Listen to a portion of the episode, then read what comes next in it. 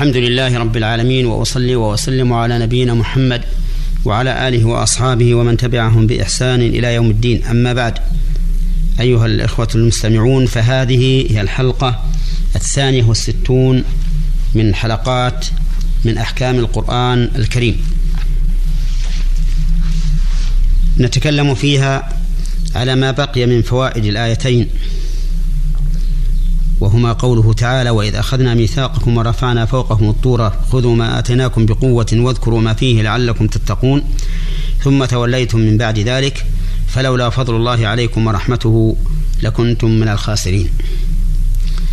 كانت الحلقة الحادية والستون انتهت على ذكر فوائد الآية الأولى إلى قوله تعالى لعلكم تتقون فنقول من فوائد هاتين الآيتين أيضا أن بني إسرائيل بعد هذا الإنذار الشديد لم ينتفعوا بما أنذروا به بل تولوا من بعده وهذا يدل على قسوة قلوبهم وأنهم من أشد الناس طغيانا وضلالا. ومن فوائد هذه هاتين الآيتين إثبات فضل الله عز وجل على بني إسرائيل وما أكثر نعمه على بني إسرائيل ولكنهم قوم لا يشكرون بل كانوا يصفون الله عز وجل بما ينزه بما ينزه عنه كقولهم يد الله مغلولة. قال الله تعالى وقالت اليهود يد الله مغلولة غلت أيديهم ولعنوا بما قالوا بل يداه مبسوطتان ينفق كيف يشاء. ووصفوا الله سبحانه وتعالى بالفقر. قال الله تعالى لقد كفر الذين قالوا إن الله فقير ونحن أغنياء. سنكتب ما قالوا وقتلهم الأنبياء بغير حق ونقول ذوقوا عذاب الحريق. ذلك بما قدمت أيديكم وأن الله ليس بظلام للعبيد. ومن فوائد هذه الآية بل من فوائد هاتين الآيتين أن الله سبحانه وتعالى يتدارك عبده بالفضل حتى لا يصل إلى إلى نهاية الخسران. كقوله فلولا فضل الله عليكم ورحمته لكنتم من الخاسرين ومن فوائد هاتين الآيتين تذكير الأمة بل تذكير آخر الأمة بما صنع أولها. لأنه إن كان خيرا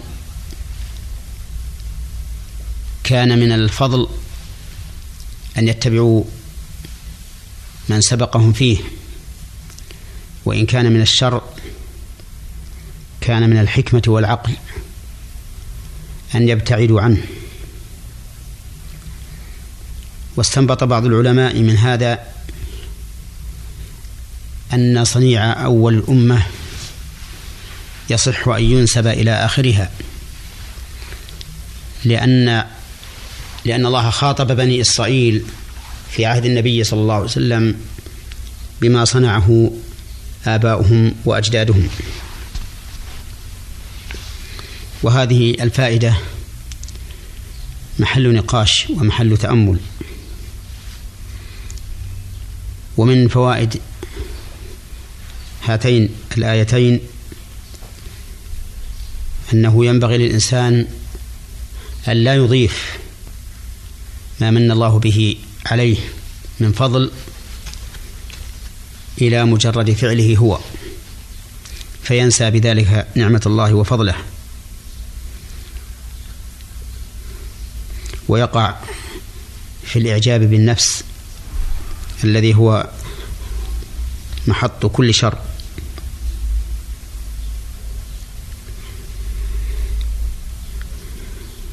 ثم قال الله تعالى ولقد علمتم الذين اعتدوا منكم في السبت فقلنا لهم كونوا قردة خاسئين فجعلناها نكالا لما بين يديها وما خلفها وموعظة للمتقين.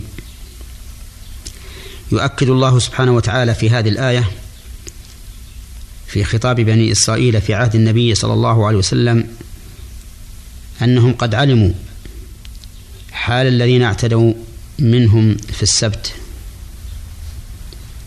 وهو اليوم الذي كانوا يعظمونه. وكان الله تعالى قد حرم عليهم الصيد في هذا اليوم. وابتلاهم حيث كانت تأتيهم الحيتان في هذا اليوم شرعا طافية على ظهر الماء كثيرة يسهل أخذها. وفي غير هذا اليوم لا تأتيهم الحيتان. فطال عليهم الأمد وقالوا لا يمكن أن ندع هذه الحيتان تأتي وترجع دون أن نصيدها. فعملوا لذلك حيلة ووضعوا شباكا في يوم الجمعة.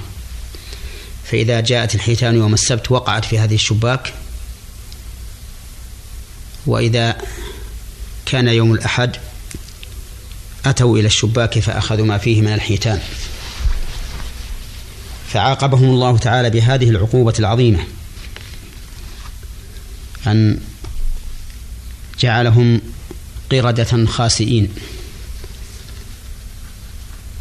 القردة جمع قرد والخاسئ هو الذليل. بعد أن كانوا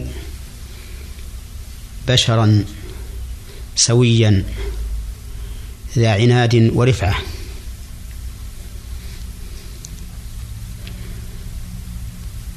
فجعل الله هذه العقوبة نكالا لما بين يديها للأمة المعاصرة لهم ولما وما خلفها للأمة الآتية بعدهم. وجعلها كذلك موعظة للمتقين أي سببا لاتعاظهم. وقد سبق الكلام على التقوى. في هذه الآية في هاتين الآيتين يذكر الله سبحانه وتعالى بني إسرائيل الذين كانوا في عهد النبي صلى الله عليه وسلم بما حدث لمن سبقهم من بني إسرائيل بما ذكر عن السبت. ففي ففي هاتين الآيتين من الفوائد. أولا تذكير الأمة بما فعل سلفها ليتخذوا منه عبرة. ومن فوائدهما أن التحيل على محارم الله لا يقلبها إلى حلال. بل إن التحيل على المحارم لا يزيدها إلا قبحا لأن التحيل على المحارم فيه محذور فعل المحرم ومحذور الخداع لله عز وجل فيكون المتحيل جامعا بين فعل المعصية التي نهي, نهي عنها وخيانة الله سبحانه وتعالى وخداعه ويمكرون ويمكر الله والله خير الماكرين. وإلى هنا ينتهي بنا القول في هذه الحلقة وإلى حلقة قادمة إن شاء الله تعالى. والسلام عليكم ورحمة الله وبركاته.